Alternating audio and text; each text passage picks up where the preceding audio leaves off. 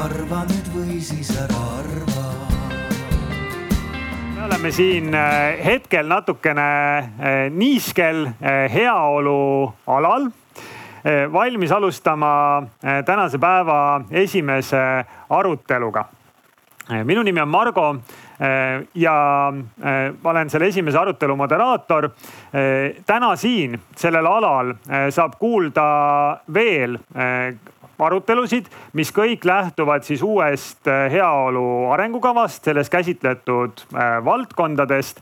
nii et äh, see arutelu siin on pigem sellise sissejuhatava iseloomuga ja siis järgmised arutelud lähevad juba konkreetsetesse teemadesse sügavamalt sisse samuti saab siis kogu päeva jooksul siin heaoluala juures Äh, käia pensioninõustamisel. pensionid äh, oluline osa meie heaolust, meie elukaare siis võib-olla sellises teises pooles ja kellel pensioniga seonduvalt küsimusi, siis pensioninõustajad on siin ja saavad seal telgis teid aidata ja kui ma mõtlesin selle, selle meie arutelu peale siin, siis ähm, mulle tuli meelde, see on üheksas Arvamusfestival. Äh, ja kui me päris esimest korda seda Eestis tegema hakkasime, äh, siis see äh, kirjeldus, millega selle festivali idee maaletooja Kristi Liiva tuli meid sellist esimest ringi inimesi nagu ära rääkima, oli see, et tead, kui äge on Almedalenis see Rootsis siis, mis on selle nii-öelda nagu algne üritus, äh, Arvamusfestivali üritus. et tead, kui äge on Almedalenis see, et äh, nende arutelude raames on äh, kõikidel inimestel võimalik saada kokku, rääkida ja vahetada mõtteid peaministriga, ministritega, inimestega, keda nad muidu näevad ainult meediakanalite vahendusel või kuulevad ainult meediakanalite vahendusel. ja see oli see noh, üks nendest mõtetest, mida me kindlasti tahtsime meie Arvamusfestivaliga ka ähm, realiseerida ja tänase arutelu peale mõeldes ma mõtlesin, et äh, nii tore, et, et üheksas Arvamusfestival ja, ja üks selline arutelu kohe siin teise päeva alguses, kus täpselt selline võimalus äh, on ja tere ka kõikidele, kes meid veebiülekande kaudu jälgivad. Teil sellist vahetut võimalust ei ole, aga osa saate kõigest, mis me siin sisuliselt räägime siiski ja mm, Lähme siis selle konkreetse asja juurde, mis meil siin on. ma kõigepealt ütlen äh, tere äh, kahele ministrile, kes on siin äh, selleks, et heaolu teemadel järgmised poolteist tundi mõelda ja arutleda. on meil siis sotsiaalkaitseminister Signe Riisalo ja tervise- ja tööminister Tanel Kiik, tere. Ehm, nüüd ähm, selleks, et me saaksime kuidagi hakata sellest heaolu teemast rääkima või seda, seda niimoodi arutama, on alustuseks mul palve kõikidele, kes jälgivad meid veebi kaudu ja kõikidele, kes meil siin arutelualal kohal on, et äh, võtke palun äh, oma nutiseade. ja võite muidugi teha ka, kui, kui äh, soovite, võtke palun oma nutiseade ja minge aadressile sli.do, sli.do ja seal äh, tekib teile kohe ette üks selline koht, kus teilt küsitakse ürituse koodi. Äh, meie ürituse kood on siis, trellid on seal juba olemas, on heaolu, kirjutage sinna lihtsalt heaolu. ja ma palun siis äh, käima panna ka meie esimese küsitluse. Ja meie esimene küsimus on selline hästi lai küsimus, mis tekib teile kohe siis teie seadmete ekraanile, kus te saate vastata küsimusele, kui hea sul Eestis elada on. ja seal on valikuvastused. iga päev mõtlen, et elu on hea, et minu elu on hea. Korra kuus olen mures enda või lähedaste heaolu pärast, korra nädalas olen mures enda või lähedaste heaolu pärast, iga päev olen mures enda või lähedaste heaolu pärast ja viimasena siis läheks kohe siit ära, kui saaks, minu elu on halb et äh, tehke siis äh, sealt palun see valik. Äh, samuti kõik, kes meid veebiülekande vahendusel jälgivad, kutsun teid üles sedasama tegema, et samuti sli.do hashtag heaolu ja saate siis vastata sellele küsimusele sealt. ja kuna küsimus ei ole ei liiga pikk ega liiga keeruline, siis ma arvan, et üks võib-olla selline viis sekundit veel, neli, kolm, kaks üks ja paneme siis selle küsimuse kinni, palun, ja vaatame, milliseid tulemusi meil äh, selle küsimuse peale näidati. nii, kolmkümmend kuus protsenti inimestest vastas, et iga päev mõtlen, et elu, minu elu on hea ja siis viiskümmend viis protsenti ütles, et korra kuus olen mures enda või lähedaste heaolu pärast ja rohkem neid valik, rohkem vastuseid siis ei valitudki, nii et kas, kas kõigil on minu elu hea või siis korra kuus olen mures, tundub, tundub nii nende vastuste pinnalt. Aga siis äkki see üheksa on seal all, all peidus meil jah, korra nädalas olen mures. ja nii ongi, just, just, aitäh. Äh, alla kerimast, ülejäänud on siis null protsendi peal. Mm, -hmm, just. nii teine äh, küsimus äh, meil on, meil on kokku kolm küsimust. teine küsimus ähm, on natukene pikem küsimus selles mõttes, et tuleb üks sõna siis sisse toksida või võib-olla fraas ka. ma palun, et me paneksime teise küsimuse käima. ja teine küsimus on, et mis tekitab sul tunde, et Eestis on hea elada? et kuna neid, kes ütlesid, et elu on halb ja läheks kohe minema, ei olnud, et siis kõigil on midagi, mis tekitab Eestis seda head elu äh, või seda tunnet, et on hea elada. Ähm, mis tekitab sul tunde, et Eestis on hea elada? vaatan, et kaheksa vastust on tulnud praegu nii, ootame veel üks, viis, neli, kolm, kaks, üks. Ja paneme nüüd selle küsimuse ka kinni ja kui me saaksime neid vastuseid näha, mis meil siin on tulnud, siis on meil siin turvalisus ja loodus mis annavad kõige rohkematele seda heaolutunnet. turvalisust on veel mainitud seal teise sõnaga natukene, turvatunne, turvaline, eh, samuti loodust. Ähm, aga lisaks sellele siis ka sõpru, pensione, eh, kodu, pere ja lähedasi nii et need on need asjad, mida, mida siin täna eh, arutelu jälgivad inimesed ähm, äh, ütlevad, et mis tekitab selle tunde, et Eestis on hea elada. Äh, kui ähm, äh, keegi seda hiljem salvestuse pealt vaatab, siis saab mõttes mõelda korraks, et mis on see, mis annab ähm, tunde, et on, on hea elada. ja viimane küsimus on samuti siis valikvastustega küsimus. ja palun aktiveerime nüüd selle küsimuse ja küsimus kõlab, kes kõige põhilisemalt Eh, kuna valida saab ainult ühe, kes saaks sinu heaolu parandada? ja valikuvastused on siis seal, et kas mina ise, minu pere eh, või lähedased, minu kogukonna või naabruskonna liikmed, minu töökaaslased, minu juhid või tööandja, kohalik omavalitsus või riik kes kõige põhilisemalt saab sinu heaolu parandada?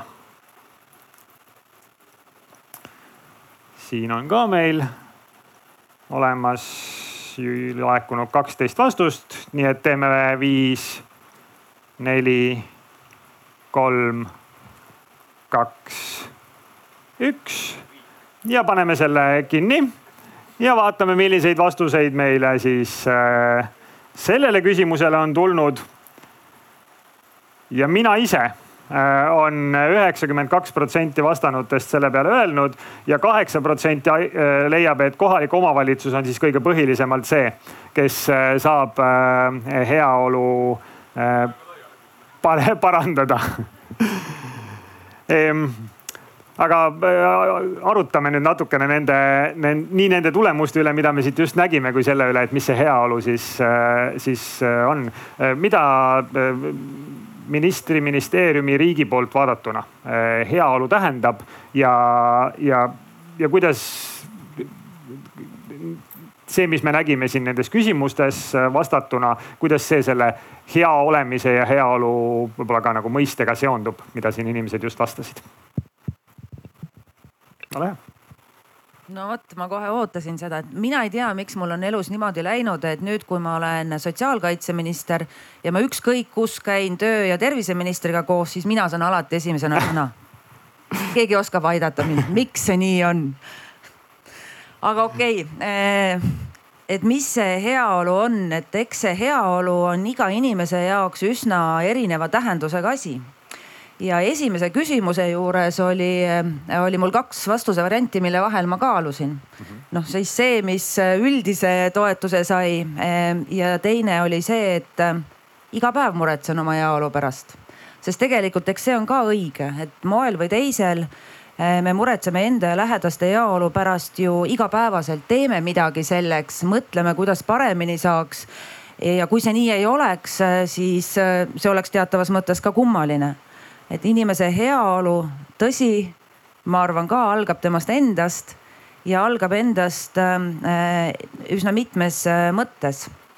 et baasilised vajadused, mis peavad rahuldatud olema, et meil on äh, paik, kus elada et see paik on turvaline, et seal on head suhted lähedastega, sul on toit laual, sul on töö, sul on võimalus ennast täiendada, harida, kultuurist osa saada et ähm, need on kõik tegelikult asjad, mis, äh, mis seda isiklikku ja individuaalset heaolu loovad ja, ja teiselt poolt äh, on nii kohalikul omavalitsusel, riigil, aga kogukonnal äh, oma roll ka kõige selle toetamise juures. aga mm, üks komponent heaolu juures, mis mind natukene mõtlema paneb, on, on võib-olla see õigus ja, ja õiglus ehk äh, tegelikult ähm, võrdsed võimalused, äh, nende rakendamise võimalikkus reaalses elus, mitte ainult paberil ja seaduses. et ähm, olla keegi, ähm, tähendada midagi, anda ühiskonnale äh, mitte olla siis märgistatud mis tahes sellise haavatavuse või erisuse pärast olgu see siis sugu või vanus. muideks, Tanel, see, meil oli nädal tagasi äh, üks episood sellel samal, äh, selles samas kohas siin, kus ähm, härra Kalle Grünthal äh, pidas vajalikuks öelda, et, et sotsiaalministeeriumis ei tohi olla ministrit, kes on nii noor, nagu seda on Tanel Kiik. no põhimõtteliselt on see vanuseline diskrimineerimine ju.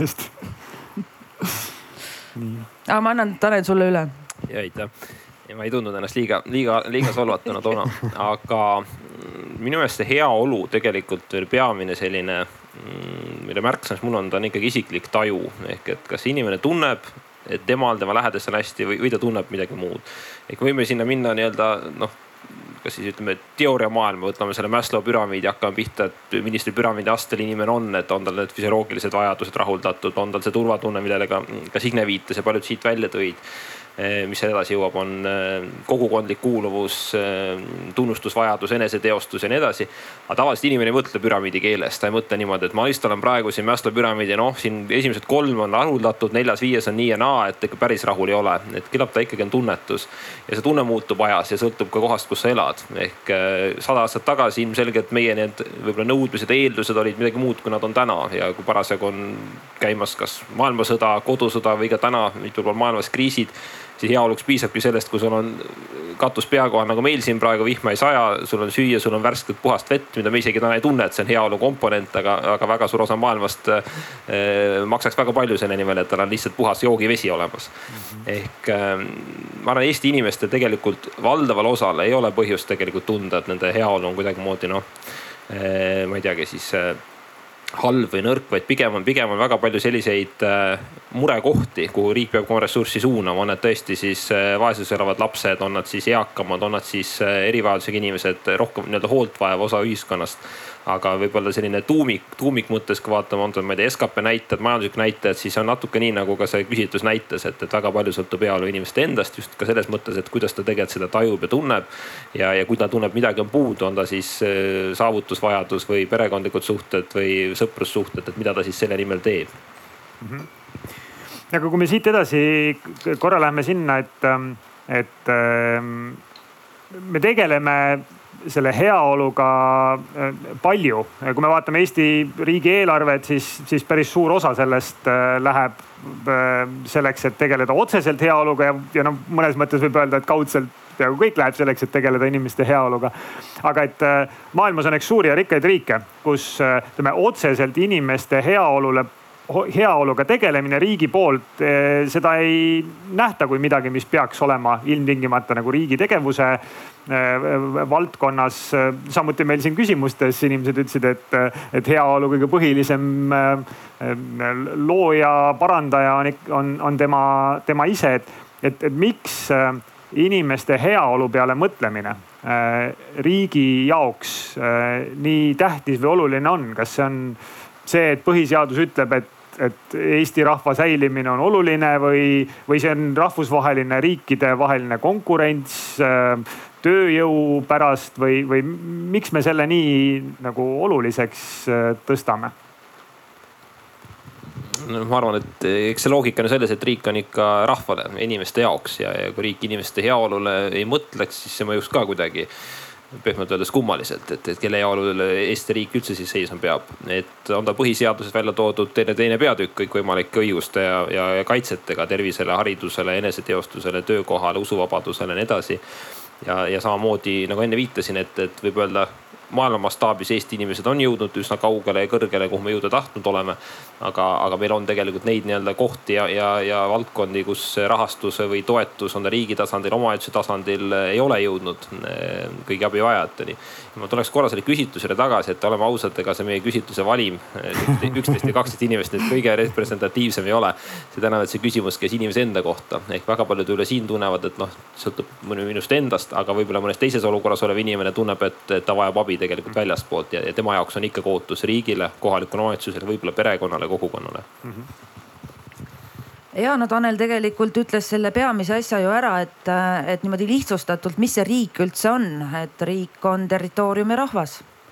Et territoorium iseenesest ei, ei ole midagi, ta annab teatud eeliseid võib-olla või siis jätab need andmata oma maavaradega, loodusega, kliimaga, kõige sellega. aga siis jääbki rahvas. Ja, ja kõik muu, mis seal riigis on ehitatud, et seda äh, territooriumi hallata ja rahvast juhtida ja kaitsta, on ju rahva pärast mm. -hmm ja, ja, ja see ongi riigi peamine ülesanne, et vaadata äh,, kuidas nendel inimestel, kes sellel maalapil elavad, läheb. ja no loomulikult äh, raamistab seda kõike õigusruum põhiseadusest alustades siseriiklikus mõttes ja ka terve hulk rahvusvahelisi konventsioone, mis äh, riikidele seavad standardeid, et inimõigused, sotsiaalsed garantiid, poliitilised õigused oleksid inimestele tagatud. nii et teatavas mõttes riik on, on selline abstraktsioon, eks ole, ja, ja rahvas ongi see, mille jaoks ja mille pärast. ja mida paremini läheb inimestel, seda paremini saab minna ka riigil, nii et et rahvas, see ongi see, mis meil ainukesena on tegelikult, mis midagi tähendab ja, ja inimeste heaolu on, on ülim eesmärk mm. -hmm aga kui me nagu sellist äh, ajaperspektiivi äh, korra vaatame, et siis äh, no Tanel, eks ütles, et siin on, meil on täna ka siinsamas istudes terve hulk asju või, või aspekte, mida me otseselt ei, võib-olla ei seosta enda heaoluga, sest need on meie jaoks nagu nii enesestmõistetavad. aga see, mida Ehm, me heaolu all mõtleme, ehm, muutub ajas ja see, millise osaga sellest heaolust, ehm, inimeste heaolust riik tegeleb, see, eks muutub ajas. mulle niimoodi täitsa kõrvalt vaadates tundub, et ta on ajas kasvanud, et kui me võtame Eesti kümme aastat tagasi, Eesti kakskümmend aastat tagasi, siis me tegelesime väiksema osaga inimeste heaolust siis, kui me tegeleme täna. aga kas see päriselt ka on nii, kas me oleme võtnud järjest rohkem asju eh, niimoodi sellesse valdkonda või sellesse hulka, millega riik tegeleb siis inimeste heaolust. Eh, või me lihtsalt oleme nihutanud, et me nagu osa asju, mis varem olid, jätame välja ja nüüd võtame uue ringi asju ja kas, kas seesama asi jätkub uue selle heaolu arengukavaga?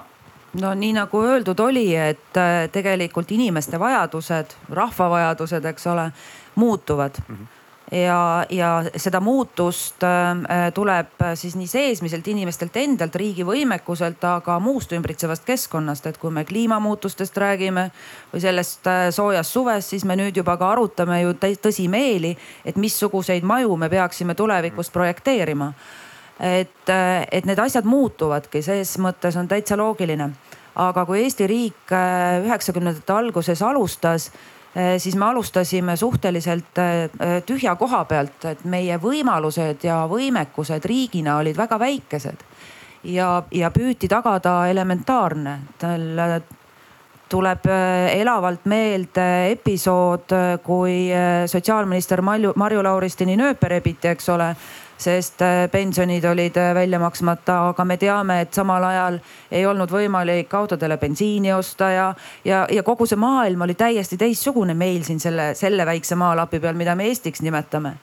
E, ja mida, mida edasi me areneme, siis seda, seda rohkem valdkondi ja seda, seda paremini me suudame ka katta ja loomulikult süües kasvab isu ja seda suuremaks lähevad ka need kulutused, mida, mida riik ja ühiskond laiemalt, mitte ainult riik, ka kohalik omavalitsus ja, ja samamoodi kodanikuühiskond ju, ju teevad selleks, et meie inimestel parem oleks, et see heaolu rohkem ja rohkem tagatud oleks mm. -hmm. ja ega mul siin väga vaielda ei ole, et äh, ühest küljest on ju riigi võimekus ka kasvanud ja see on selles mõttes loogiline, et kui riik on ise jõukam tänu inimestele, ettevõtjatele, siis ta püüabki jõuda noh, enamate öelda valdkondade küsimusteni ja, ja ka see teadlikkus inimeste tasandil, riigi tasandil, omavalitsuse tasandil. et kui mõni aeg tagasi veel oligi norm või selline noh, suhtutigi teatud mõttes sellise, kuidas ma nüüd viisakalt seda ütlen Eh, paratamatusena sellesse, et mingi osa ühiskonnast ei saagi näiteks tööl käia või ei saagi aktiivselt ühiskonnaelust osa võtta või ei saagi võib-olla vaba aja tegevustel käia, et noh, midagi ei ole teha, et tal on selline tervisemure või, või, või vanus või muu taoline, siis täna me ju tegelikult oleme seda ambitsioonitaset selgelt tõstnud. et me ütleme, et ei, see ei pea nii olema, et, et meil on võimalusi ja meil ongi võimalusi, nii tehnoloogilisi, samad ehituslikke küsimusi, ka tegelikult rahalist ressurssi, et tagada see, et, et iga inimene, kes seda soovib, saab ennast teostada, saab tööl käia, saab vabast ajast osa võtta ja elukoht ja kogu linnaruum ja riigi, riigiruum võib öelda, peab olema ligipääsetav. ehk et need, need põhimõtted on tulnud, et jääda, ma arvan, et tulebki edasi arendada, me ei ole nii kaugele jõudnud, kui me tahaksime, aga see siht on nagu silmes ja. ja see ambitsiooni ja see lati pidev tõstmine on, ma arvan, vältimatult vajalik, muidu me hakkaksime väga kiiresti muu maailmaga võrreldes taandarenema Mm -hmm. see ligipääsetavus ühe külje pealt, aga erivajadustega inimeste puhul on ka hästi oluline see, et äh, nii haridussüsteem kui, kui tööturg tegelikult on muutunud oluliselt paindlikumaks. ja riik toetab äh, koos tööandjatega ka neid võimalusi, et, et kõik, kes soovivad, saaksid siis võimetekohaselt äh, haridus- ja tööelus osaleda. et, et üheksakümnendate alguses me ei mõelnud nii mm Eh, sest meil olid teised mured suuremad. Eh, Maslow püramiidi alumised eh, tasemed olid katmata, et see, see paraku nii on olnud jah. kas mingi selline suur teemade ring on noh, ma ei tea, kas siis nüüd selle uue arengukava raames või, või lihtsalt lähitulevikus tulemas juurde sellesse osasse inimeste heaolust, millega, millega riik tegeleb. noh, natukene äh, sa vist viitasid Signe äh, kliimaga seonduvatele küsimustele. Taneli vastusest ma lugesin välja selle äh, ühelt poolt nagu ligipääsetavuse ja teiselt poolt siis eaka või, või väärika vananemise teemasid, aga, aga et mis te ise välja tooksite, mis on see, kuhu nagu liikumas on praegu see kuidas riik või, või mis küsimuste, milliste heaolu küsimustega riik hakkab tegelema, millega me varem ei ole võib-olla nagu nii oluliselt tegelenud jah, ütleme heaolu arengukava ja üldse riigi alusdokumendid üha rohkem minust lähtuvad sellisest väga õigest põhimõttest, et eh, inimest näha läbi elukaare. ehk et ka see ligipääsetavus pole nii-öelda eakate teema, see võib olla mis tahes õnnetusjuhtumite puhul, võib-olla ma ei tea, lapsevankri küsimus. ja samuti tehnoloogiline areng, et see pole ka osa nii-öelda, et me vaatame, kuidas me saame siin, ma ei tea, noortele digivõimalusi juurde, vaid see, kuidas me saame neid ka sotsiaalvaldkonnas, tervises, kõikjal mujal kasutada. ja teine asi, mida üha rohkem arengukavades sisse kirjutas, mis on ka ainuõige, on just see horisontaalse lähenemise küsimus ehk et ei saa olla niimoodi, et sotsiaalministeerium muretseb inimeste tervise, töö, heaolu, võrdsuse pärast ja ülejäänud ministeeriumid ajavad oma rida. et kui me räägime samadest noh haridusvaldkonnast, kohalikest omavalitsustest, investeeringutest, ehitusest riigikaitseni välja, et, et kõigis nendes tegelikult jookseb seesama heaolu, heaolu mõte läbi, just sellise võrdse kohtlemise põhimõtted läbi. ja, ja võib-olla see, see on, ma arvan, üks olulisemaid suundasid, kuhu ma näen, et riik nagu liigub ja mida me oleme kogu aeg igalt poolt eest vedanud, et, et ei tekiks sellist arusaama, et igal ministeeriumil on oma, oma rida, toimetab omaette ja siis vaatame, et äkki kokkuvõttes saavutame vingeid tulemusi. Ja et ma ei tahaks ka öelda, et me tuleme nüüd mingi täiesti uue valdkonnaga, mida me hakkame eh, täna siin toimetama ja inimestele mingit lisandväärtust looma. et teatavas mõttes ma sellega ju ütleksin ka, et eh, me oleme midagi siiamaani oluliselt tegemata jätnud. Eh, on olnud kogu see elukaare üleselt spekter ju, ju fookuses võib-olla on küsimus nendes valikutes, mis on täna olulisem kui oli võib-olla eile mm. -hmm. ja mis veel olulisem on näha ette, mis homme muutub oluliseks ja, ja see on vast poliitikakujunduse juures ka selline kuldvõtmeke teatavas mõttes, et, et tegeleda äh, arengukavade ja, ja pikaajaliste planeerimiste puhul tänase päevaga on tegelikult äh, olla eilses mm. Ja see ettevaatamine, aga mis meil ette vaadates murekohad on? Äh, noh, loomulikult äh, tervishoid, mida me jube vähe oleme praegu rääkinud, aga Covidi kriisis on see selgelt äh, näidanud murekohad kätte, et kui meil eluiga pikeneb, siis tervelt elatud eluaastad ei kipu äh, pikenema. meeste eluiga lühem, tervelt elatud eluaastad samamoodi lühemad. et äh, see valdkond ei ole ainult tervishoiu äh, küsimus, mhm. see on palju laiem küsimus, täpselt see, mis Tanel ütleb, et, et üle nende erinevate strateegiadokumentide ja arengukavade ja, ja, ja loomulikult me ei saa ümber ega üle vaadata vananevast ühiskonnast, et äh, tööealiste kiht äh, tõenäoliselt kipub väiksemaks jääma ja nende inimeste hulk, kes rohkem hoolt vajavad ühiskonnalt suuremaks, olgu see siis erivajadus, mida me ka järjest rohkem märkame. ja, ja püüame siis ka seda abi pakkuda, aga ka vanemaealiste osakaal, et need asjad on on ühtepidi siis küsimus, et kuidas me neid inimesi aitame ja toetame ja teistpidi ka küsimus, et kuidas me tööealistele loome paremaid tingimusi, et seda lisandväärtust ka rohkem tekiks, et inimesi oleks piisavalt palju tööl. noh, siis me jõuame siin detailideni, mis on tegelikult väga valusad. Äh, omastehooldajad ja, ja kõik see, eks ole, et me hoiame inimesi tööturult eemal sealhulgas äh, erivajadustega laste vanemad. et eile just oli hästi sümpaatne vestlus ühe, ühe emaga, äh, kes on äh, nagu väga rõõmus ja, ja taas, et kas Eestis on hea elada. ta on väga rõõmus selle üle, et aasta tagasi ta mõtles, et noh et nüüd on äh, erivajadusega laps täisealiseks saanud, et, et me saame mõnusasti siin kahekesi kodus hakkama ja, ja praegu palju riigiteenuseid vaja ei ole. aga siis tuli väljakutse teha tööd ja ta oli rõõmus selle üle, et ta saab teha tööd, osaleda tööturul, panustada ja teisalt, et on äh, ka tegelikult need teenused olemas, et, et ta on lapse pärast muretu, noor täiskasvanu tegelikult mm. -hmm ja ma tahtsingi tegelikult sinna jõuda, et noh, et Eestis ja üldse maailmas ei ole päris nii, et on, eks ole, nii-öelda tööealine elanikkond, kes toob lisandväärtust ja siis on mingi grupp, kes seda tarbib, et tegelikult me oleme kõik korraga mõlemas kategoorias, me oleme nii-öelda teatud terviseteenuste, hariduse, sotsiaalteenuste tarbijad. ja samal ajal lisandväärtuse pakkujad, loojad, et kes seda läbi tööturu, kes läbi võib-olla laste hoidmise, pere hoidmise, lähedaste toetamise, et neid tasandeid on hästi palju. ja olukorras, kus me näeme, et see rahvastik vananeb, mis on tõesti paratamatus, mida ei pea isegi võtma ilmtingimata negatiivsena ehk et kui eluiga pikeneb, siis seda me näeme ju hea asjana, siis ei saa ju üllatada, kui, kui samal ajal keskmine vanus kasvab. Ehk tähendabki seda, et meil tuleb pingutada selle nimel, et ka kõrgemas eas suudaks inimesed panustada, on ta tööturul, on ta omastehoolduses ja, ja mitte seda kõike tehes nagu oma elu, heaolu ja tervise hinnaga. vaid vastupidi, sellest ka rõõmu tundes ehk see, see on võib-olla peamine, mitte peamine, kuid väga oluline nagu fookus, kui me soovime seda jätkusuutlikut riiki just ehitada, ühiskonda ehitada. ehk et ei ole nii, nagu padad siin kirjeldavad, et sul on valida, et kas sa, ma ei tea, tood juurde sada tuhat välistööjõudu, eks ole, või langetad pensioni, et, et elu ei ole nii mustvalge, alati on rohkem valikuid, alati on rohkem võimalusi. ja just selline võimalikult laiapõhjaline ka tööturule kaasamine on tegelikult ka töövõimereform püüdnud teha ja mida, mida ka samamoodi just selle läbi tervenädaluste aastate kasvu, mida me fokusseerime eraldi rahvastiku tervise arengukavas ja mujal. mida me sihime, et, et ta just aitab sul, aitab sul vältida seda olukorda, kus sul äh, pidevalt nii-öelda sotsiaalteenuste vajaduste ja, ja rahavajaduse hulk kasvab kiiremini kui, kui nii-öelda riigi võib öelda siis jõukus mm. -hmm mul on kaks küsimust teile veel jäänud, ma, ma eelviimase küsimusena tahaks tuua sisse ühest eilsest arutelust ähm, ühe, ühe mõtte ähm, selle, selle sissejuhatuseks. me oleme siin peaasjalikult rääkinud sellest, et äh, riigi poolt see tegevuse fookus on nende inimeste ähm, nendele inimestele nagu ligipääsetavuse parandamine, võimaluste loomine, kellel neid muidu ei ole selleks, et nende heaolu oleks parem. nüüd ühes eilses arutelus üks äh, arutelus osaleja ütles, et äh, võttis, võttis näiteks Töötukassa ütles, et Töötukassa tegeleb selle kümne protsendiga või vähemaga inimestest, kellel täna Eestis ei ole tööd aga et äh, vajadus oleks äh,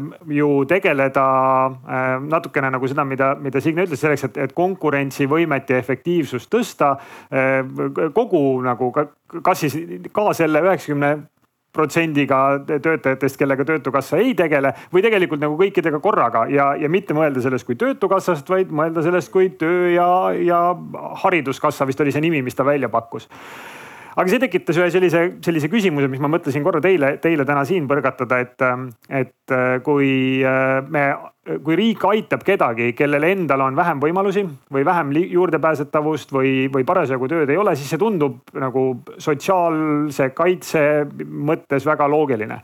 kui nüüd äh, riik hakkab tegelema nende inimestega, kes justkui ise saavad väga hästi hakkama kellel on töö ja kõik muud asjad nagu korras ja, ja, ja neurotüüpilised ja, ja mis kõik veel, eks. et, et ja siis riik hakkab nagu neile suunama tervet hulka teenuseid ähm,, siis äh, nagu seal, seal tekib selline nagu küsitavus, kas see on selline uus heaolu paradigma, et, et me mitte enam ei aita järgi, vaid nüüd nagu tegeleme kõikide koos edasiviimisega. no siin on kaks asja, üks asi on keskkonna ja tingimuste loomine, et inimene ise hakkama saaks mm. -hmm. Ja see on selline laiapõhjalisem, mida tegelikult Tanel ka kirjeldas läbi erinevate arengukavade eh,, horisontaalsed teemad sealhulgas eh,. see, kuidas me ennetame neid võimalusi, et eh, inimene langeb sellest võrgustikust läbi ja, ja eks see heaolu arengukava teemade ring on suuresti seotud eh, ka sotsiaaltööga.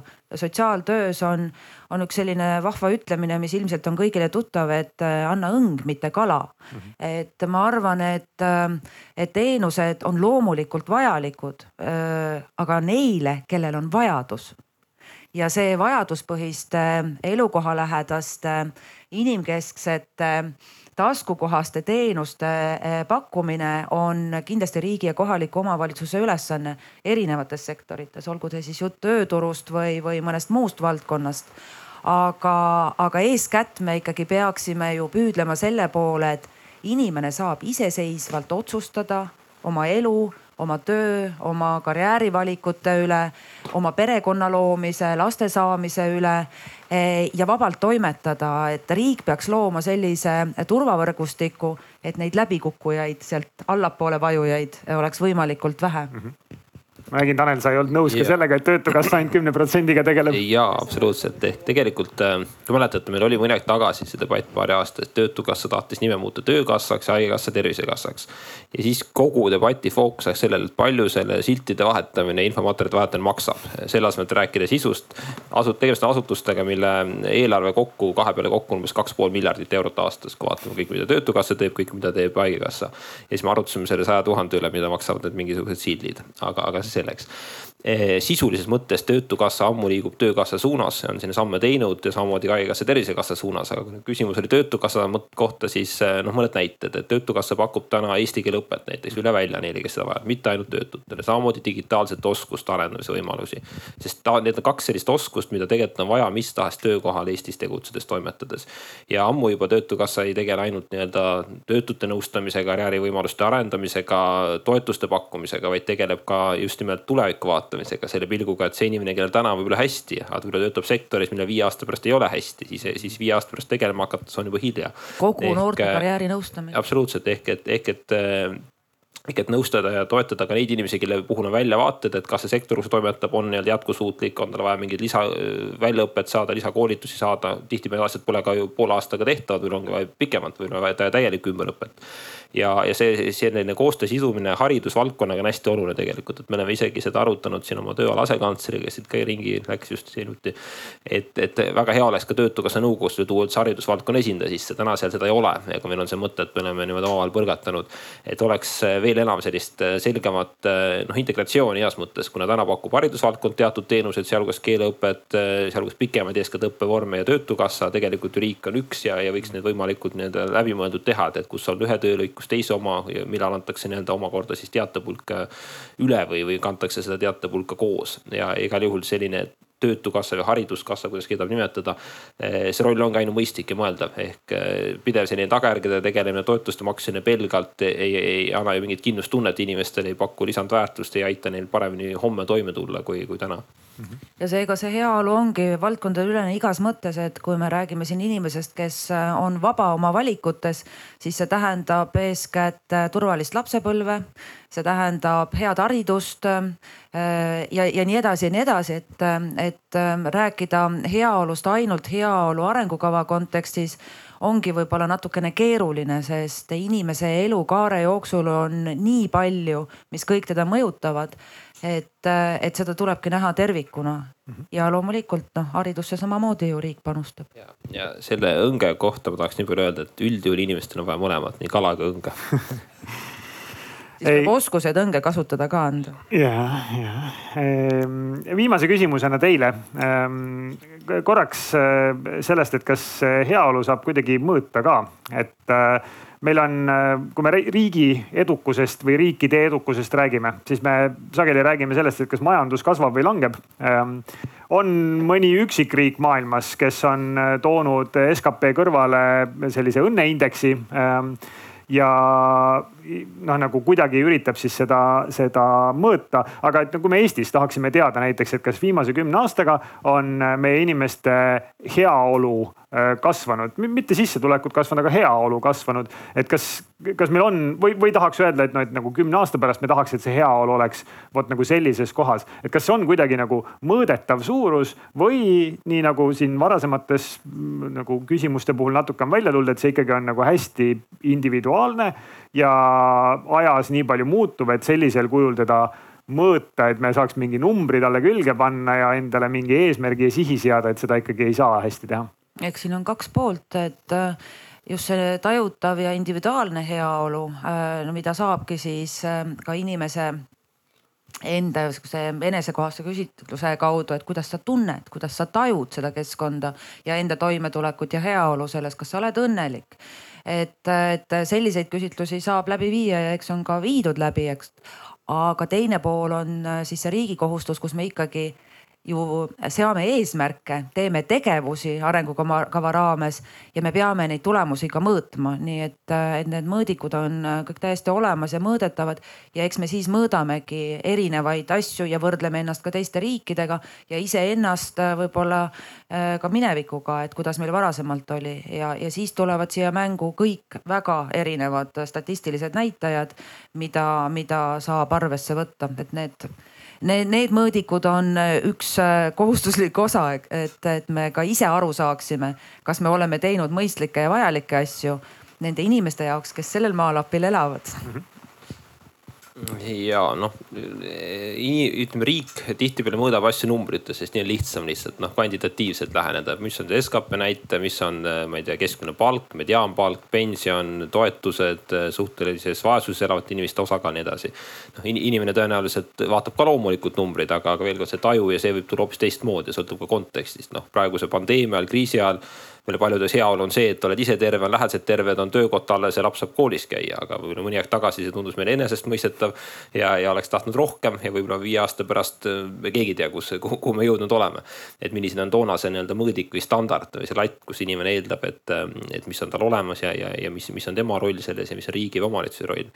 aga kindlasti, mida ma pean oluliseks, on see, et kui me räägime majanduskasvust, siis rohkem keskenduks sellele nagu inglise keeles öeldakse inclusive growth ehk kaasav majanduskasv, et see mõte on selles, et riik ei lähe lihtsalt jõukamaks jõukamaks kuidagi abstraktselt, vaid inimesed tunnevad, et, et nende elu läheb paremaks ja nende jõukus kasvab. on ta siis sama Gini koefitsiendi jälgimine, et ebavõrdsus ühiskonnas ei kasvaks, on ta tegelikult regionaalvaldkond ehk just nimelt vist vaatasin nüüd statistikat, eh, Harjumaa, Tartumaa täna moodustavad üle poole juba Eesti elanikkonnast ehk et tegelikult selline pidev eh, ka linnastumine, teatud keskuste tekke omakorda ju süvendab seda ebavõrdsust ja mahajäämise tunnet eh, mujal piirkondades, kus kaovad koolid, kaob tervisekeskuse kättesaadavus, sotsiaalvaldkond, töökohad ja, ja siis paratamatult, kui inimese käest küsida, kas ta tunneb, et tal on heaolu kõik korras, noh, ta vastab tõenäoliselt teistmoodi. et need on need kohad, kuhu riik peab rohkem tähelepanu panema kindlasti, mida on palju keerulisem tihtipeale mõõta, aga, aga, aga see ei tähenda, et need kuidagimoodi vähem olulised.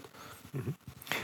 Eestis õnneindeksit ei hakka kasutusele võtma skp kõrval ei, mulle see kokkuvõttes tegelikult meeldib, ehk et ma arvan, see on mõistlik lähenemine, et, et sa et näha natuke nagu sellistest veel rahanumbritest eh, laiemalt seda pilti, üks ei pea teist asendama, aga, aga täiendama. no vaesuse kõrval tegelikult on võimalik sedasama ilmajäetust vaadata, et, et ma arvan, et see on võib-olla isegi nagu objektiivsem kirjeldamaks inimeste tegelikku olukorda no ma loodan, et meie kollektiivne õnneindeks siin on kõigil kasvanud seoses sellega, et vihm jäi järgi ja päike tuli välja. ma lasen korraks äh, lavalt jalga. Äh, jätan teid hetkeks siia, sellepärast et äh, ma tahan nüüd natuke inimesi grupeerida, kes te siin olete. sellepärast, et meil on mõned olukorrad arutada, mis ma tahaks niimoodi, et te räägite ja siis me natuke peegeldame ehm, et te räägite omavahel ka, muuta teid kõiki selle arutelu osaks nii et äh, meil oleks vaja äh, siin tekitada neli äh, sellist väiksemat gruppi ja siis ma kirjeldan, et mis see olukord on. selleks, et need grupid saaks tekkida, ma palun, et te ütleksite, nii nagu vanasti käis seal kehalise kasvatuse tunnis neljaks loe. et kui ma tulen siia teie juurde, te võite koos olla, te võite olla siis näiteks number üks, eks ole. siis kaks osalete ka, ma loodan jah, kolm ja neli ja siis me võtame uuesti siit üks äh,. ikka osalete, muidugi osalete, loo, miks, miks ei osale, olge ikka number kaks, palun äh,. number kolm, number neli, siis sealt uuesti üks, kaks äh,. tahate koos olla? kolm, neli, üks, kaks, kolm, neli. nii on vist kõigile öeldud. leidke ennast palun ühed, kahed, kolmed ja neljad, nii et meil tekib neli väiksemat gruppi ja siis ma kohe räägin, mis saab edasi.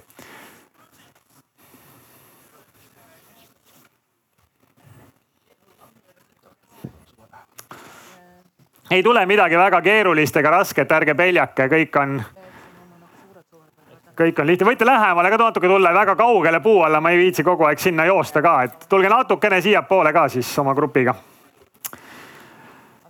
nii on juba täitsa hästi, jah. nii. kas meil on nüüd ühed, kahed, kolmed ja neljad? seal on neli. seal on kaks. Teie olete üks ja siis on kolm järelikult seal, hästi. nii ja nüüd äh, teeme siis niimoodi, et äh, tegelikult meil on viis gruppi, sellepärast et, äh, et äh, ministrid moodustavad viienda grupi, mis on siis riik. igale ühele teist ma annan äh, ühe rolli, et te mitte ei mõtle niimoodi iseendana nende olukordade peale, vaid siis sellest kindlast, kindlast rollist. ehk iga olukorra puhul, mida ma kirjeldan, mõelge teie palun selle inimese peale, kelle olukord see on. igas olukorras on nagu üks selline peategelane, et mõelge temast lähtuvalt. ma, te saate aru, kui te kuulete kirjeldust. Ehm, teie mõelge palun eh, lähtuvalt selle inimese perest ja sõpradest. et teie olete tema pere ja sõbrad. Ehm, teie palun olge selle inimese töökoht eh, või ühe juhtumi puhul selles juhtumis osalev tööandja, kes ei ole otseselt, saate aru küll, ma kohe siis ütlen, kui tuleb juhtum ette. nii ja teie palun olge kohalik omavalitsus, iga, iga nende asi nendest juhtumitest toimub kas kuskil vallas või külas ja siis te olge see kohalik omavalitsus, kus see toimub. ja siis riik on meil viienda grupina laval. nii ja eh, mina kirjeldan teile olukorra ja teil on aega viis minutit, et mõelda, kuidas selles olukorras, need on kõik sellised kergelt probleemsed olukorrad, eks. kuidas selles olukorras lähtuvalt sellest teie grupi rollist saaks seda olukorda kas ennetada või noh, oleks saanud ennetada, saaks leevendada või lahendada, ennetada, leevendada või lahendada, sest kõikidest rollidest ei pruugi olla võimalik näiteks olukorda ära lahendada. küll aga võib olla võimalik, et näiteks kohalik omavalitsus oleks saanud olukorda ennetada või pere ja sõbrad saaksid olukorda leevendada, eks, et ennetada, leevendada või lahendada. Ja siis äh, ma käin äh, kui teil on viis minutit räägitud, siis ma käin ringi ja küsin sellise lühikese kommentaari igast grupist, et kuidas te siis näete, et milline võimalus teie rollist lähtuvalt selles olukorras oleks olnud. lihtne, eks? hästi ehm,. esimene olukord kõlab selliselt, nii kirjeldan nii, et kõik kuulevad ehm,. Maria, kahekümne kolme aastane kandideerib tööle oma vallas asuvasse tootmisettevõttesse. läbib kaks eelvooru tööle kandideerimisel. viimases voorus kohtub äh, juhtivtöötajaga, kes äh, ütleb talle vestluse käigus, et äh, ta oli küll sobivaim kandidaat kõikidest, kes kandideerisid, aga kahjuks teda tööle võtta ei saa, sellepärast et väljaõpe sellele kohale võtab aega ja on kulukas. tema on noor naine, kes tahab nagunii varsti hakata lapsi saama. nii et viis minutit, mõelge, kas saaks ennetada, leevendada või lahendada sellest rollist, kus te olete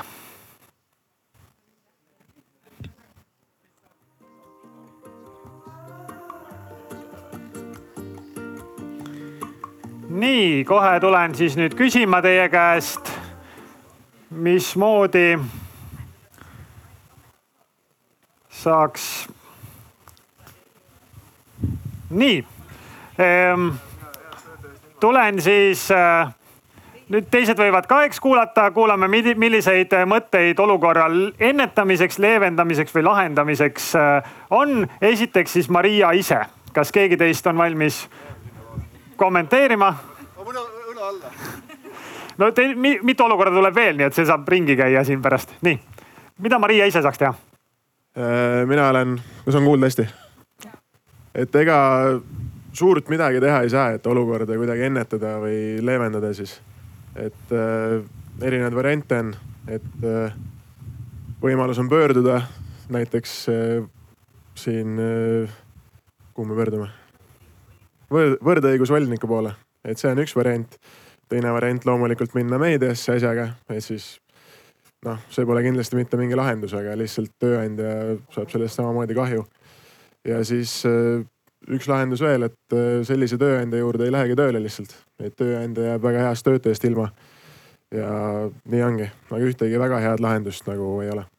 okei okay., nii jah et meil tekkis see mõte, et, et kui juba esimesel kohtumisel äh, tekivad sellised diskrimineerivad kommentaarid, et siis kuidas see edaspidi see töökeskkond üleüldse on. et kas ma siis tahan seal päriselt töötada mm? -hmm. aitäh. nii, äh, küsime edasi siis, kuidas äh, pere, sõbrad, lähedased saavad selles olukorras, kas ennetada, leevendada, lahendada? me leevenduse juures leidsime, et tegelikult on ju täitsa see, see, et just näiteks vanematena valmistada oma last ette selleks, et ta teaks oma õigusi, et teada, et selline äh, vastus, selline lähenemine tööandjalt ei ole kuidagi aktsepteeritav. nii et äh, selle osas saaks ennetada ja noh, kas just lahendada, aga pigem leevendada saaks. kui nüüd see oli see äh, võrdõigusvolinikuni poole pöördumine üks variant, siis teine variant on pöörduda Tööinspektsiooni kus on ka isegi võimalik sellest, sellel, sellises olukorras saada hüvitist mm. -hmm. et see oli need variandid, mida me nägime mm. -hmm. aitäh. Nonii, äh, kes äh, kommenteerib äh, tööandja vaatest seda või noh, siis potentsiaalse tööandja vaatest? sellist olukorda ei ole lihtsalt ei tule ka. et noh tänapäeval kahekümne kolme aastased väga ei saa lapsi, pigem lükatakse see kuskile tulevikku ja üldiselt on nagu seadusevastane sihukese asja küsimine või ütlemine. ja noh, kui keegi ettevõttes või kuskil midagi peaks sihukest sellise arvamusega olema, siis tegelikult alati saab oma töötajaid koolitada, et et see ei ole okei okay. ja väldime sihukest asja üldse mm. -hmm. aitäh ja viimasena siis äh, väike kommentaar kohaliku omavalitsuse vaatest sellisele olukorrale. kohalik omavalitsus küsib, miks inimene pöördus, kas ta tunneb, et tema õigusi on riivatud, vastavalt sellele suuname edasi? Või tal on toimetulekuraskused, vastavalt sellele pakume toetusi, teenuseid? Ja võib-olla tööstusettevõttega me ei saagi midagi teha, võib-olla suhtleme Töötukassaga ja küsime, et äkki neil on mingeid koolitusi, et ennetada selliseid äh, olukordi, kus tööandja saab äh, peituda sellise argumendi taha, et no, et sa ei ole koolitatud, et me ei võta sind, kui tegelikult võib-olla see põhjus on kuskil mujal. et koostöö Töötukassaga, võib-olla kõrgkoolidega, aga üldiselt võiks esmalt küsida inimeselt, mis ta mure on okei okay,, aitäh. ja nüüd siis äh, ka riigi vaatest olukorrale äh, kommentaar teie poolt. Ma ei tea, ma alustan, ma ei, ma ei alusta riigi poolt, et mul lihtsalt tekkis selline kohaliku omavalitsuse rolli korraks astun ja mõtlen, et pagan küll, et tootmisettevõte, et päris tulus meil siin töökohti pakub ja maksud laekuvad ja et nüüd ta läheb vaidlema, eks ole, kuskile sinna Liisa Pakosta kontorisse ja tuleb, tuleb nagu halba mainet meile, et, et kuule või, või võib-olla me lahendame selle kuidagi teistmoodi siin rahulikult. ka see on võimalik aga no riigi rolli tulles eh, just nimelt eh, selliste hoiakute kujundamine, kus muud argumendid eh, seda võrdset kohtlemist pärsivad, peaks olema ennetavalt maandatud, et iga osapool saab aru, mis on tema võimalus, mis on tema kohustus ja millised on need väärtused, millest me lähtume, millised on need hoiakud. aga tegelikult te ütlesite ise siin erinevate erinevates rollides ära juba, et tõepoolest äh, ametlikke kanaleid pidi on äh, võimalik äh, seda seda olukorda lahendada ja tõenäoliselt ka jõuda tulemuseni, kus võib-olla tootmisettevõte peab teistsuguse otsuse tegema. aga, aga Maria seisukohalt tõesti, kas ma tahan siis sinna tööle minna lõpuks? et see ei ole ju, ju positiivne emotsioon, et see kollektiiv ei pruugi mind oot, oodata aga neid äh, kõhklusi, positsioonivõtte hoopis teistel äh, põhjustel, mitte Maria vajadusest lähtuvalt, võib väga palju tekkida, et see kohaliku omavalitsuse näide üks, aga tööandjal ju samamoodi on ju. tööandja on ei, me, me pole nii öelnud, tõesta, eks ole. me ei tee kunagi niimoodi mm. -hmm ja et no eks siin on palju mõtteid kõlanud ja riigi tasandil tõesti on võimalik noh vaidlustada seda Tööinspektsiooni kaudu, soolise võrdõiguslikkuse ja võrdse kohtlemise voliniku kaudu, mida ka Signe mainis. aga loomulikult äh, oleks märksa suurem rõõm, kui selliseid olukordi nagu siin viidati, ei, ei tekiks. mul tekkis endal sihuke tunne, et kui ühest küljest on vaja teadlikkust tõsta, kõik on sellega nõus, et, et noh, et millal sa üldse tohid selliseid otsuseid teha, millal sa ei tohi ja diskrimineerimine ei ole nagu selline tänapäevane äh, normaalne toimetamisviis. aga teine pool on muidugi selles, et kui isegi teadlikkust tõstame, aga mõtteviisi ei muuda, siis sellest on ikka vähe abi, sest sellisel juhul see tööandja on nii palju teadlik, et ta ütleb sulle, et jah, sa olid väga tubli ja väga hästi läks konkursi, jääd napilt teiseks, napilt teiseks. ta ei ütle sulle, miks sa jäid ja ta ei ütle sulle, miks ta kellegi teise võtab, ta teab, et ei tohi sulle öelda, ütleb mingi muu põhjuse ja võtab kelle tahes ta tahab. ehk tegelikult on küsimus selles mõtteviisis, et, et tööandja ei näeks niimoodi, et, et hakkan siin kaardistama plusse-miinuseid ja, ja, ja laste saamine pereelu on nagu risk ja miinus, et selle asemel, et vaatad töö ja pere ühitamist sellise pigem nagu tänapäeva normina ja, ja, ja plussina, et näed, et tuleb sulle, on ta siis noor või vana, aga teotahtene inimene, kes tahab tööd teha, kellele sobitub, kõik karakteristikud klapivad. pigem peaks selle peale mõtlema, et kui tal tekib mingi moment, kuidas sa saad üldse toetada selles olukorras, et, et tal on võimalik ka tööl käia. kui ta peaks otsustama pere luua, mida sa loomulikult ei tea, kas ta sel hetkel teeb. et pigem see mõtteviisi pool on isegi olulisem kui see teadlikkus, mida, mida ma arvan, riik ja ma arvan ka meedia ja just ühiskond jälle tervikuna peab kujundama, et me ei saa nagu ülevalt alla seda öelda, aga seda on vaja jälle, jälle heas mõttes horisontaalselt vasakult paremalt ülevalt, alt ja kõrvalt okei okay,, aitäh. Eh, meil on kaks olukorda veel, mida vaadata. Eh, enne seda, eh, kas ma tohin paluda teid tulla liituda näiteks selle grupiga siin, siis te saate ka sellest arutelust osa. siin on meil üks grupp ja kas liidan ka teid mõne arutelugrupiga, et saate osaleda arutelus, aga tulge, tulge palun edasi. äkki tulge, tulge siiapoole julgelt. Äh, äkki ma palun teil liituda sinna selle grupiga, kes seisab, seisab äh, sealpool.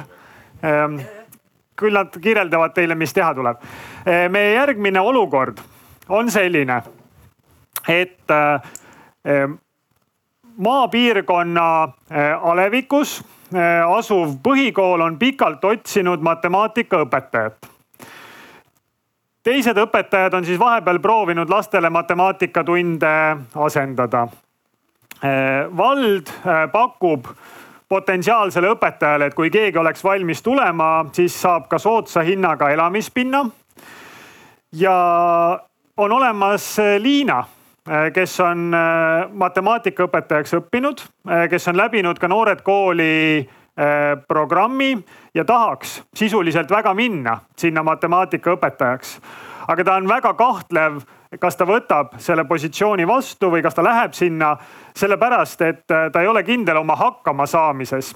nimelt kasutab ta liikumiseks ratastooli ja ei see elamispind, mida eh, vald pakub, ega ka mitmed teised kooli ümbruses asuvad äh, avalikud äh, nii siis ütleme ruumid, kauplus, külamaja kui ka äh, ringi liikumisvõimalused, teed ei ole liikumise erivajadusega inimeste jaoks arvestatud.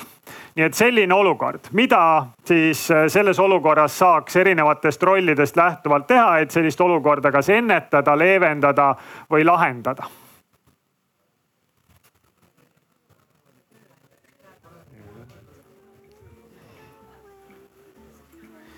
nii ja teeme ringi samapidi, et äh, võtame äh, Liina enda esimesena, mida Liina ise selles olukorras? Saaks kindlasti teavitada, et ma arvan, et siin ongi see põhiline teema, et teavitada oma erivajadustest ja, ja siis kohalik omavalitsus on see, kes siis saab aidata, et võib-olla Liiga, Liinal on ka näiteks, ma ei tea, tugisik, kes aitab tema, ma ei tea, ratastooli näiteks lükata, et võib-olla tal on see juba olemas. Et see annab äh, juba mõni, mõnisuguse eelisuse, aga siis sõltub, on ju, et kuidas see ligipääs sinna kooli ja korterisse on, et seda saab nüüd siis vald korraldada ja loodetavasti heas koostöös see siis toimub. okei okay,, aitäh. nii, äh, kes äh, räägib Liina perest, sõpradest, lähedastest? ikka, ikka üks ja sama inimene lükatakse tanki, et äh, äh, siin arutasime tegelikult, meil oli väga palju mõtteid äh, ja selles mõttes ja, et mis siin juba välja tuli, et hästi oluline on see, et me luua see kontakt KOV-iga ja tõenäoliselt nagu ko läbi kooli seal mingi osas kontakt juba on ja noh, kui kool on valmis korterit pakkuma, siis tõenäoliselt kool on väga-väga huvitatud sellest matemaatikaõpetajast ja samamoodi siis ka äh, kohalik omavalitsus. nii et äh, koos äh, kohaliku omavalitsuse kooliga otsida neid võimalusi ja et mis me siin just rääkisimegi, see, et, et töötada noh, pikaajaliselt ikka kohalikus omavalitsuses selleks, et sellised nagu keskkonnapuudused e kõrvaldada. et see inimene, kellel ei ole kõik need äh, samad liikumisvõimalused olemas, saaksid, saaks ka täisväärtuslikult elada selles keskkonnas uh,. nii et jah, et üks selline soovitus olekski tõesti töötada selle kohaliku omavalitsusega, töötada selle kooliga aga pere ja sõpradena on meil võimalus ikkagi õlg alla panna ja Äh, leida võimalusi enda sõbra või enda pereliikme toetamiseks. olgu see kasvõi, et kui nüüd tõesti see äh, linn, kuhu Liina tööle läheb, on kusagil kaugemal, et äh, siis tehagi oma, oma seltskonnas selline graafik, et kuule, et mingi regulaarsusega on meil vaja tal abis käia ja me käimegi, et näiteks see nädalavahetus käib üks inimene abis, see teine nädalavahetus käib teine nädalavahetus abis. ja siis lõpuks ka, et e-Selver on päris hea asi, mis toimetab toitu kohale korra ainult Otti veel täiendan. mina olen Liina, aga aga tahtsin jah öelda, et tegelikult kohalikud omavalitsused päris paljusid teenuseid juba pakuvad, et see on ka nagu sõprade ja perekonna poolt võib-olla tugi, et me aitame tal tuvastada, et mis on juba olemas ja siis tema spetsiifikast tulenevalt küsida seda mm. komplementari vajadust ja see, mida Ott mainis, et see pikaajaline plaan KOV-i ka suhtumist või mentaliteeti muuta, et see seisnebki selles, et et me ei vaataks enam äh, inimesi puudelistena, vaid me näeksime oma keskkonda puudelisena. eesmärk on ikkagi keskkonda teha selliseks, et sobib kõigile, mitte siis äh, kogu aeg kinni jääda inimeste erinevatesse vajadustesse. aitäh. see on päris huvitav perspektiivi, perspektiivi muutus, aitäh. nii, kool ähm ja kuna kool väga-väga tahab, et see õpetaja tõesti tuleb, äh, aga endal meil ju tohutuid võimalusi või eelarvet ei ole, et eks me vaatame kohaliku omavalitsuse poole, sest me teame, et, et nemad, nemad selle teemaga tegelevad ja eks me omalt poolt äh, no saame selles mõttes ka nagu teadlikkust kasvatada või, või ka kohalikku omavalitsust äh, nügida, et, äh, et ka tulevikus noh, et ta aitaks siis nagu kas siis korterit kohandada, kooli kohandada, aga tulevikus ükskõik mis investeeringuid kavandatakse. juba ette mõeldakse selle ligipääsetavuse peale, et ei tekiks selliseid murekohti nagu edaspidi. aga eks me peame jah kohaliku omavalitsuse peale lootma kõvasti aitäh, no kõik eh, eelmised kolm gruppi on eh, usinasti andnud seda teatepulka kohalikule omavalitsusele. Eh, kuidas siis on, kas kohalik omavalitsus lahendab probleemi? ja lahendame meie mõtlesime, et kui me oleme täna sellises situatsioonis ja meil on selline väärtuslik inimene olemas ja me oleme juba teinud palju tööd, et teda leida, et noh, siis me seda võimalust käest ära lasta ei taha ja, ja kui tema siis see pakutav eluruum täna ei vasta vajadustele, liikumisteed ei vasta vajadustele, koolimaja ei vasta vajadustele, siis me mõtlesime, et vaataks ajas tagasi. et äh, vanasti elasid paljud õpetajad koolimajas et äh, äkki me saame siis kolme objekti asemel kohaldada ühe ehk siis koolimaja sobivaks ja äkki me leiame selles äh, väheneva õpilaste arvu tingimustes talle seal koolimajas sellise eluruumi, mille me saaks talle sobivaks kohaldada. või siis teine alternatiiv, et meil on äh, rahvamaja, kuhu saaks õpilased tunde läbi too, viima tuua ja äkki seal on mõni vaba ruum, kus, mille saaks eluruumiks kohandada, et me siis nagu kolme objekti asemel äkki siis äh, sellises kitsas olukorras, nagu me täna oleme, suudame teha kolm kolme asemel ühe, aga noh, edaspidi siis proovime vaadata selle pilguga, et me sellisesse olukorda ei satuks. no oli, oligi nii nagu jah ma tahtsin lihtsalt veel lisada, et äh, mina päriselus olengi kohalik omavalitsus.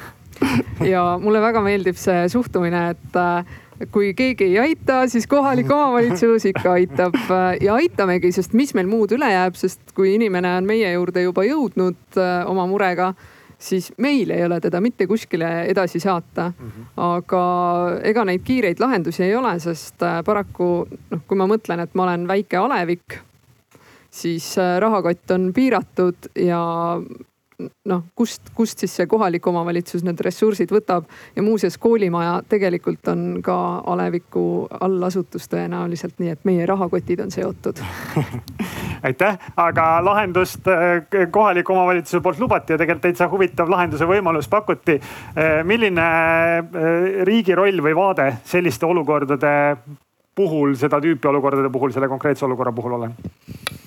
No seda oli küll lausa lust kuulata ju praegu, et tundub, et ähm, võib-olla äh, kui me siin enne arutasime, et missugused teemad on olulisemad ja, ja kuhu rõhuasetust panna, et äkki siis seekord heaolu arengukavas ligipääsetavus, vähemalt füüsiline, ei olegi nii suur küsimus.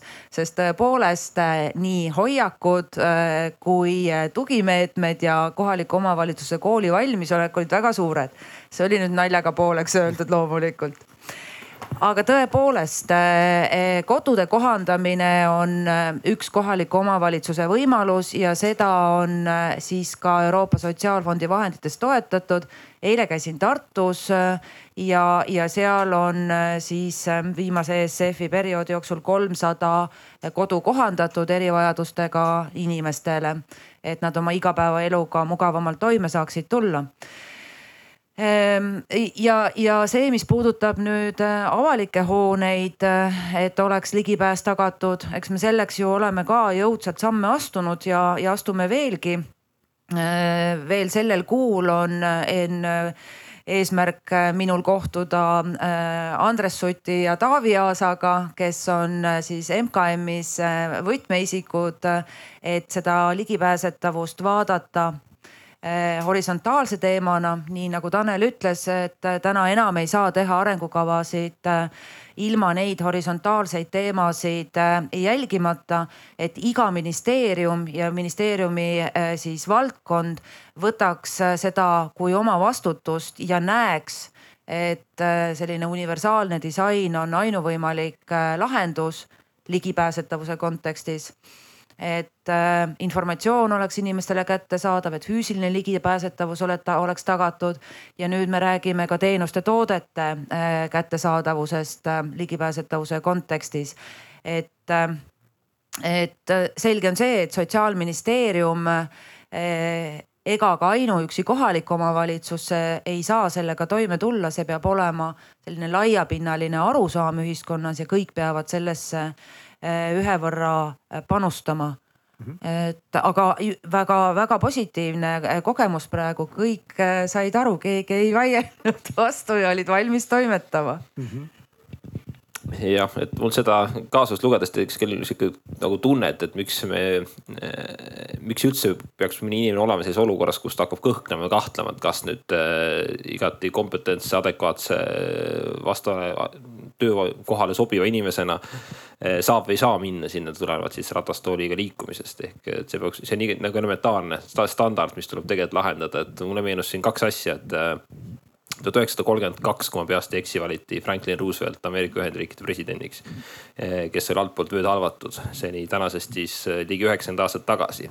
suutis Ameerika riiki juhtida inimene, eh, hoolimata ratastooliga liikumisest ja noh, Wolfgang Schäuble siitsamast poliitikast ka näide, täna vist on ta Saksamaa Bundestagi juht ja, ja, ja enne siis siseminister, rahandusminister olnud samamoodi alates üheksakümnendast aastast halvatud, kuna talle tehti atendaat toona. et tegelikult eh, see standard ja arusaam, et, et sul on võimalik nii-öelda ühiskonnast osa saada, tööd teha ka väga kõrgetel kohtadel.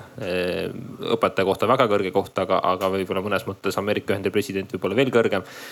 on juba aastakümneid ju tegelikult meiega olnud, et selles valguses ma arvan, et sellises olukorras peaks olema ainukene arutelu tõesti see, et, et kas on midagi veel, mida peab tegema või on need asjad juba läbi mõeldud, et see, et hakata nullist leiutama. see saab ju kellegi üllatusena, et meie seas on äh, liikumisraskustega inimesed, need võimalused, kuidas koolis liikuda, kuidas poodi saada, millised elukohad on, nendele tuleb mõelda juba enne. kui see probleem tekib ja hiljemalt siis, kui ta kohal on ja ainuke võimalik lahendus saab olla see, et, et see asi toime panna, mitte niimoodi, et öelda inimesele, et aitäh, et kahjuks ei saa aidata. okei okay., ja meil on siis jäänud üks äh, äh olukord veel veel, aga kui ma tohin paluda, et teie näiteks kolmekesi tuleksite, liituksite ka aruteluga, siis me saame ühe, ühe selle olukorra ka veel ära lahendada ja kas ma tohin ühel teist paluda liituda selle grupiga ja siis teil kahel liituda äkki selle grupiga siin, aitäh. nii ja meie viimane olukord äh, kõlab järgmiselt. Äh, nimelt käib siis valmistumine külapäevade korraldamiseks. Ja eh, külas on selline sädeinimene Tiina ja see sädeinimene Tiina on käinud ta on üks nendest initsiaatoritest ka nende külapäevade korraldamisel, aga ta on ühtlasi käinud suurimaks kohalikuks tööandjaks oleva puidufirma juures, kes on siis andnud heategevuslikus korras raha selle külapäevade ürituse korraldamiseks ja sellest ürituse eelarvest äh, piisab, et siis ühe inimese korraldustöö mõne kuu vältel tasustada. aga kohapeal neid ülesandeid on muidugi veel külapäevadel, et seal on vaja lastele mänge organiseerida, seal on vaja toitu jagada, muid ülesandeid täita. ja siis koosolekul külavanem ütleb äh, sellise lause, et äh, ei noh, et las Peeter võtab selle peakorralduse enda peale, et tal kodus pere toita, et neid teisi asju saab seal vabatahtlikult ka teha, et need on sellised väiksemad kohapeal tehtavad ülesanded ja rohkem nagu naiste tööd ka.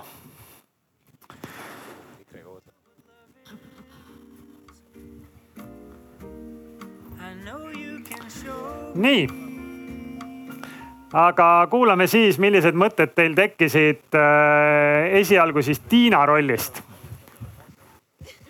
kas keegi kommenteerib meil Tiina rolli, ole hea, ütle mõne lausega, mis te rääkisite mm,. me rääkisime seda, et äh, meil oleks vaja rohkem infot, et kas sellel külavanemal on ka mingisugune külakogu või selts mm et äh, või, või võib-olla oleks see variant, et Tiina läheb, äh, pöördub kõigepealt äh, külavanema poole ja räägib Peetriga ja võib-olla oleks selline rahva nii-öelda, kas nüüd just hääletus, aga selline ikkagi omavaheline suhtlus oleks ikkagi, ma arvan, eelkõige kõige mõistlikum. Mhm. aga ja selles mõttes siis me rääkisime veel sellest, et et äh, Tiina, et jah, et olukord on halb selles mõttes, sellest rääkisime ka, et väga halb olukord. et aga, aga jah, ma, mina, mina, mina olen väga selle poolt alati, et suhtlus on äh, kõige alus selge, aitäh. nii, meil on siin siis Tiina, Tiina sõbrad ja pere, kes ilmselt äh, enamasti elavad ka samas külas uh,. Ja, eks see oli tõesti selline keeruline, et kust nurga alt täpselt läheneda, et uh, ja tõe, eks see lõpuks oleneb sellest, et kuidas seal inimese vahelised suhted täpselt on, aga me ise siin mõtlesime, et kas siis rääkida otse külavanemaga, arutada võib-olla ka Peetriga aga vist, vist jäime lõpuks rohkem selle peale, et tuua see hoopis ikkagi sellesama nagu selle külaseltsi või kes need samad seal algses ringis vestlemas olid sel teemal. et selles teem-, selles ringis Äh, Tiina poolt ikkagi see teema uuesti pärast, tõstatada, et see oleks ühelt poolt nagu selline läbipaistev ja teiselt poolt äh, nagu ka üldhariv, et, et teised äh, ka nagu saaks aru, et kuule, et päris nii ei ole okei okay. Mm -hmm. ja, aga noh, et kindlasti tasuks tulla mingite lahendustega, et kuidas, kuidas neid asju ausalt nagu siis jaotada, kuidas seda kuidas seda tasu ausalt jaotada ja üks, mis me mõtlesime, oli see, et tõesti selle Äh, ürituse vastutused äh, selgelt nagu sõnastada ja need vastutused seost, seoda, siduda selle tasuga. ehk siis, et kes neid ellu viib või kes nende eest peamiselt vastutab, on ikkagi see, kes selle tasu, tasuga saab. aitäh äh, nii nüüd kolmas grupp seekord oli siis firma, kes andis heategevuslikus korras raha külapäevade korraldamiseks ja siis sai kuskilt kaudu infot, et mis nende rahaga tehakse no meie esimene küsimus on, et äh, miks me andsime raha, et kas me anname heategevuse pärast või me tahame mingit eesmärki saavutada, et võib-olla me tegelikult isegi väga palju ei hooli Äh, et äh, mis sellest edasi saab, aga eeldusel, et me hoolime, siis on küsimus, et millal me teada saame, et kui me saame veel protsessi käigus teada, siis me kindlasti üritaks Tiina ja tegelikult ka teiste osapooltega rääkida, et esiteks, mis meie ootus on, et mis selle rahaga tehakse ja teiseks väljendada seda muret, et noh, me ikkagi tahame ju kvaliteetset üritust, me oleme nii palju raha andnud, et, et kas see tulem ikkagi tuleb kätte, kui see raha läheb ühele inimesele. Äh, ja teine asi, kui me saame sellest teada, siis hiljem, kui üritus on juba toimunud, siis järgmisel aastal olla ettevaatlikum või kui me tahaks olla väga kurjad, siis läkitada mõnele usaldusväärsele ajakirjanikule, et näed, et sihuke asi on juhtunud. Äh, et seda ennetada siis järgmine kord mm. -hmm. aitäh. ja no külad asuvad kohalikes omavalitsustes, nii et äh, viima, eelviimasena kohalikule omavalitsusele sõna. me siin, aitäh, me siin omavalitsuses äh, kuulsime ka sellest loost ja siis mõtlesime, et meil on siin demokraatia ja iga nii-öelda kõik inimesed on oma valitsejaid väärt ja siis äh, ju see küla ikkagi omale külavanema kuidagipidi sinna valinud on, et, et omavalitsus sinna ei sekku. nii et me ei tee midagi, et äh, et äh, ja, ja noh, inimesed lahendagu see mure nüüd seal ise ära kogukonnas, nagu ma kuulsin, siis tegelikult ollakse ka üsna väheste ootustega omavalitsuse suunal. nii et rõõm kuulda seda ja noh, teine pool on seda, et kodanikena muidugi omavalitsuse töötajad tõenäoliselt lähevad ja peavad neljasilma vestlusi tõsiseid. Aitäh Äh, senised, äh, senised olukorra leevendused või lahendused on kõik viidanud väga palju sellisele suhtlusele, inimestevahelisele suhtlusele, seda me kuulsime kõikidest, äh, peaaegu kõikidest gruppidest. riigil ei ole niimoodi üks-ühele võimalik inimestega suhtlema minna, milline sellises, sellist tüüpi olukordades riigi vaade või lähenemine on? Riik saab ikka üks-ühele ka minna, ettevõtlusminister võib helistada, küsida inimeselt, riigihalduse minister võib helistada, me võime helistada. aga, aga no üldjuhul tavaliselt seda tõenäoliselt ei juhtu jah, et, et pigem, pigem ma olen ka siin nõus selle lahendusega, mis siin arutatud on, et, et tõenäoliselt see, see telg üle ettevõtte ja needsamad aktiivsemad isikud koha pealt ja, ja see külavanem peaks korra siis maha istuma, selgelt läbi rääkima, et mis on need ootused, mis on need tegevused, mida makstakse. ega õhtu lõpuks ma olen selline alati kompromisside otsija oma, oma hingelaadilt, et alati on võimalik, kui on võimalik raha palgata ühe inimese jaoks, on võimalik palgata null koma kaheksa, null koma kaks näiteks, midagi saab siis härra Peeter ja, ja valdav osa saab see, kes töö ära teeb, et kui see Peeter ka midagi panustab loomulikult sinna. või, või, või, või võtta mõlemad poole koormusega ehk et ei pea ilmtingimata tülli minema ja ega riigil otse seda olukorda äh, siis lahendada on keerukas äh,. kui me nüüd räägime sellistest väärtustest ja hoiakutest ja nende pidevast kujundamisest, siis seda muidugi aga kuna ma olen selline lahendustele orienteeritud inimene ja, ja, ja, ja praktiliselt tahaks kohe käed sisse lükata, siis no Tiina on see külasäde, et küllap tal neid toetajaid on seal kõvasti, et külavanem tuleks ka ümber vahetada ja leida sinna üks asjalik mees, kes oskab teha õiglaseid otsuseid ja, ja seisab ikka kogukonna eest, nii et külaüritused toimuvad ja, ja tööd tehtud saavad. kas sa ütlesid asjalik mees just, ma kuulsin õigesti oli mees ju, külavanem. Ja, aga sa ütlesid, et Tiina peaks juba saama valituks, kui sa ütlesid, tema on külasäde. aa ei, et ole, mis, kes, kes iganes sinna valituks saab demokraatlikult hästi, aitäh. rohkem olukordi ei ole ja meie arutelu hakkab ka lõppema, nii et loeme nüüd grupitöö lõppenuks. grupid võivad lahkneda sealt, kus te olete ja võib siis astuda mõne, mõne sammu veel lavale lähemale, ütleme mõned, mõned lõpetavad, kokkuvõtvad laused selle, selle arutelu osas ka. ma korra siiski tahaksin küll veel kõikidega, kes on siin, olenemata sellest, kas te enne osalesite selles väikeses küsitluses, mis me tegime või mitte. ma tahaks korra ühe küsimuse uuesti küsida nüüd, kus te olete kuulanud neid, seda mõtetevahetust, kus te olete lahendanud neid olukordasid. minge palun ükskord veel oma nutiseadmes sli.do lehele ja kirjutage sinna sisse märksõna heaolu. kui te käinud ei ole seal varem, siis tehke seda nüüd palun esimest korda nutiseadmes sli.do, sli.do ja trellide taha kirjutage heaolu, märksõna heaolu. me käivitame palun uuesti selle küsimuse, kus me küsime, et kes kõige põhilisemalt saab sinu heaolu parandada, olles nüüd mõelnud erinevate rollide ja olukordade peale. valige palun ükskord veel see, vaatame, kas on tulemus kuidagi muutunud võrreldes varasemaga. Kes kõige põhilisemalt saab sinu heaolu parandada, sina ise, pereliikmed, lähedased, kogukond, naabruskond, töökaaslased, juhid, tööandja, kohalik omavalitsus või riik?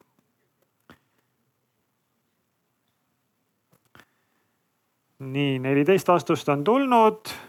võtame viis sekundit veel neli, kolm, kaks, üks. Ja paneme küsimuse kinni ja kui me saaksime siia ekraanile need tulemused, palun. siis. no peaaegu sama natukene on, on muutunud, ka vastajaid on natukene juurde tulnud. nii nagu ka enne, nii ka nüüd väga valdavalt, vähemalt siin arutelus osalejad ütlevad, et inimene ise on see, kes kõige põhilisemalt saab siis oma heaolu parandada. võtame arutelu siis siit lavalt ka kokku Ehm, ja kas äh, nüüd äh, nagu nende, nende olukordade või, või äh, võib-olla nagu teiste, teiste olukordade, millega te väga sageli niimoodi kokku puutute ehm, pealt võiks niimoodi lühidalt öelda, et, et milline see Eesti riigi ja inimeste heaolu siis tulevikus, kuna arengukava on eks järgmise seitsme aasta peale. et, et milline see Eesti inimese ja riigi, Eesti inimeste heaolu tulevikus siis äh, olla võiks, milliste märksõnadega seda nagu head tuleviku olukorda heaolu mõttes saaks kirjeldada? kuhu me püüdleme? Tanel siin enne viitas, et äh, valim ei ole kõige eh, esinduslikum, aga, aga sellegipoolest eh, tänase publiku järgi võib eh, küll öelda, et inimeste ootus on eeskätt olla ise oma elu peremees, ise oma elu mõjutada. ja, ja seda suurem on riigi ja kohaliku omavalitsuse vastutus keskkonna loomisel ja ma arvan, et, et see on ka see tee, mida, mida me oleme riigina valinud kujundades siis neid hoiakuid, väärtusi, ennetades läbi ähm, hariduse äh, võimaluste, äh, läbi äh, ligipääsetavuse, läbi soolise võrdse kohtlemise ja kõikide muude meetmete kaudu seda, et inimesed saavad võrdselt ise oma elu juhtida, seda nautida ja seda enda heaolu luua ja seda siis ka oma lastele edasi anda. aitäh! Ja Signe võttis nii ilusti kokku, et, et veel ühe märksõna lisana juurde on seesama tervisemõõde ka, mis tegelikult on ju noh, paratamatult ka selle kriisi ajal tulnud rohkem pilti kui muidu ja, ja kindlasti ka heaolu puhul on, on inimeste jaoks üks kandva, kandvaid kohti ja see on ka koht, kus saame panustada. Igaüks ise, saab panustada tervishoid, kohalik omavalitsus, riigi tasand ja ma olen hästi nõus selle eh, lähenemisega, et see võimaluste loomise pool tõesti on see keskkond, noh nii-öelda toetava keskkonna loomine. ega terviseseadus, me räägime tihti väga sarnastest nagu aluspõhimõtetest, just see, et, et nagu see tervist toetav keskkond, täpselt sama heaolu toetav keskkond ja tervist hoidev, heaolu hoidev ja. ja neid eh, teadlikkust tõstev keskkond, et on ta haridusvaldkond, ettevõtlussektor, kohalikud omavalitsuse tasand, et et seda võimalikult palju nagu luua ja see ei ole mitte vastutuse mujale delegeerimine, vaid see vastupidi ongi koos tegutsemine, koos toimetamine, mis, mis õhtu lõpuks tagab paremad tulemused. et kindlasti on, on neid kohti neid sihtrühmi nagu enne ka välja tõin, kus on vaja nii-öelda riigi eritähelepanu, kohaliku omavalitsuse eritähelepanu. kus ilmselgelt ei saa olla vastuseks, et mina ise eh, vastutan näiteks enda eest, kui mul on tõesti krooniline haigus või mingi erivajadus, mis, mis ilmselgelt mu elustandardit mõjutab, kui ei tule keskkond mulle appi ja kohalik omavalitsus ja riik mu ümber ehk need on need kohad, ma arvan, kus eri, eritähelepanu ka riik suutnud pöörata just nimelt, et neid ebavõrdsusi tasandada ja neid võrdseid võimalusi maksimaalselt luua mm. -hmm. suur aitäh ehm siin alal eh, siis eh, edasi eh, saab tänase päeva jooksul erinevatesse heaolu valdkondadesse sügavamalt sisse vaadata. kui te märkasite meie selle avaarutelu olukorrad olid rohkem kaldu võrdse kohtlemise ja soolise võrdõiguslikkuse poole. ja seda sellepärast, et sellel teemal eraldi arutelu järgnevalt ei tule, küll aga mitmetes teistes heaolu eh, valdkonda puudutavates või heaolu valdkonna, valdkondades tulevad eh, siis edasi siin arutelud, nii et heaolu Eh, laval saab täna nendel samadel teemadel edasi mõelda. aga esimese arutelu oleme sellega eh, jõudnud arutelu lõpuni. suur aitäh kõikidele, kes eh, osalesid, kes mõtlesid kaasa, kes oma arvamust avaldasid. loodetavasti andis teile ka mõtteainet sellel teemal, et, et mis on heaolu ja kust mu heaolu tuleb ja kuidas me kõik koos Eesti riigi ja ühiskonnana seda heaolu eh, endale loome ja, ja eh, tõstame. aitäh, Signe ja eh, Tanel, ilusat jätkuvat festivali teist päeva kõikidele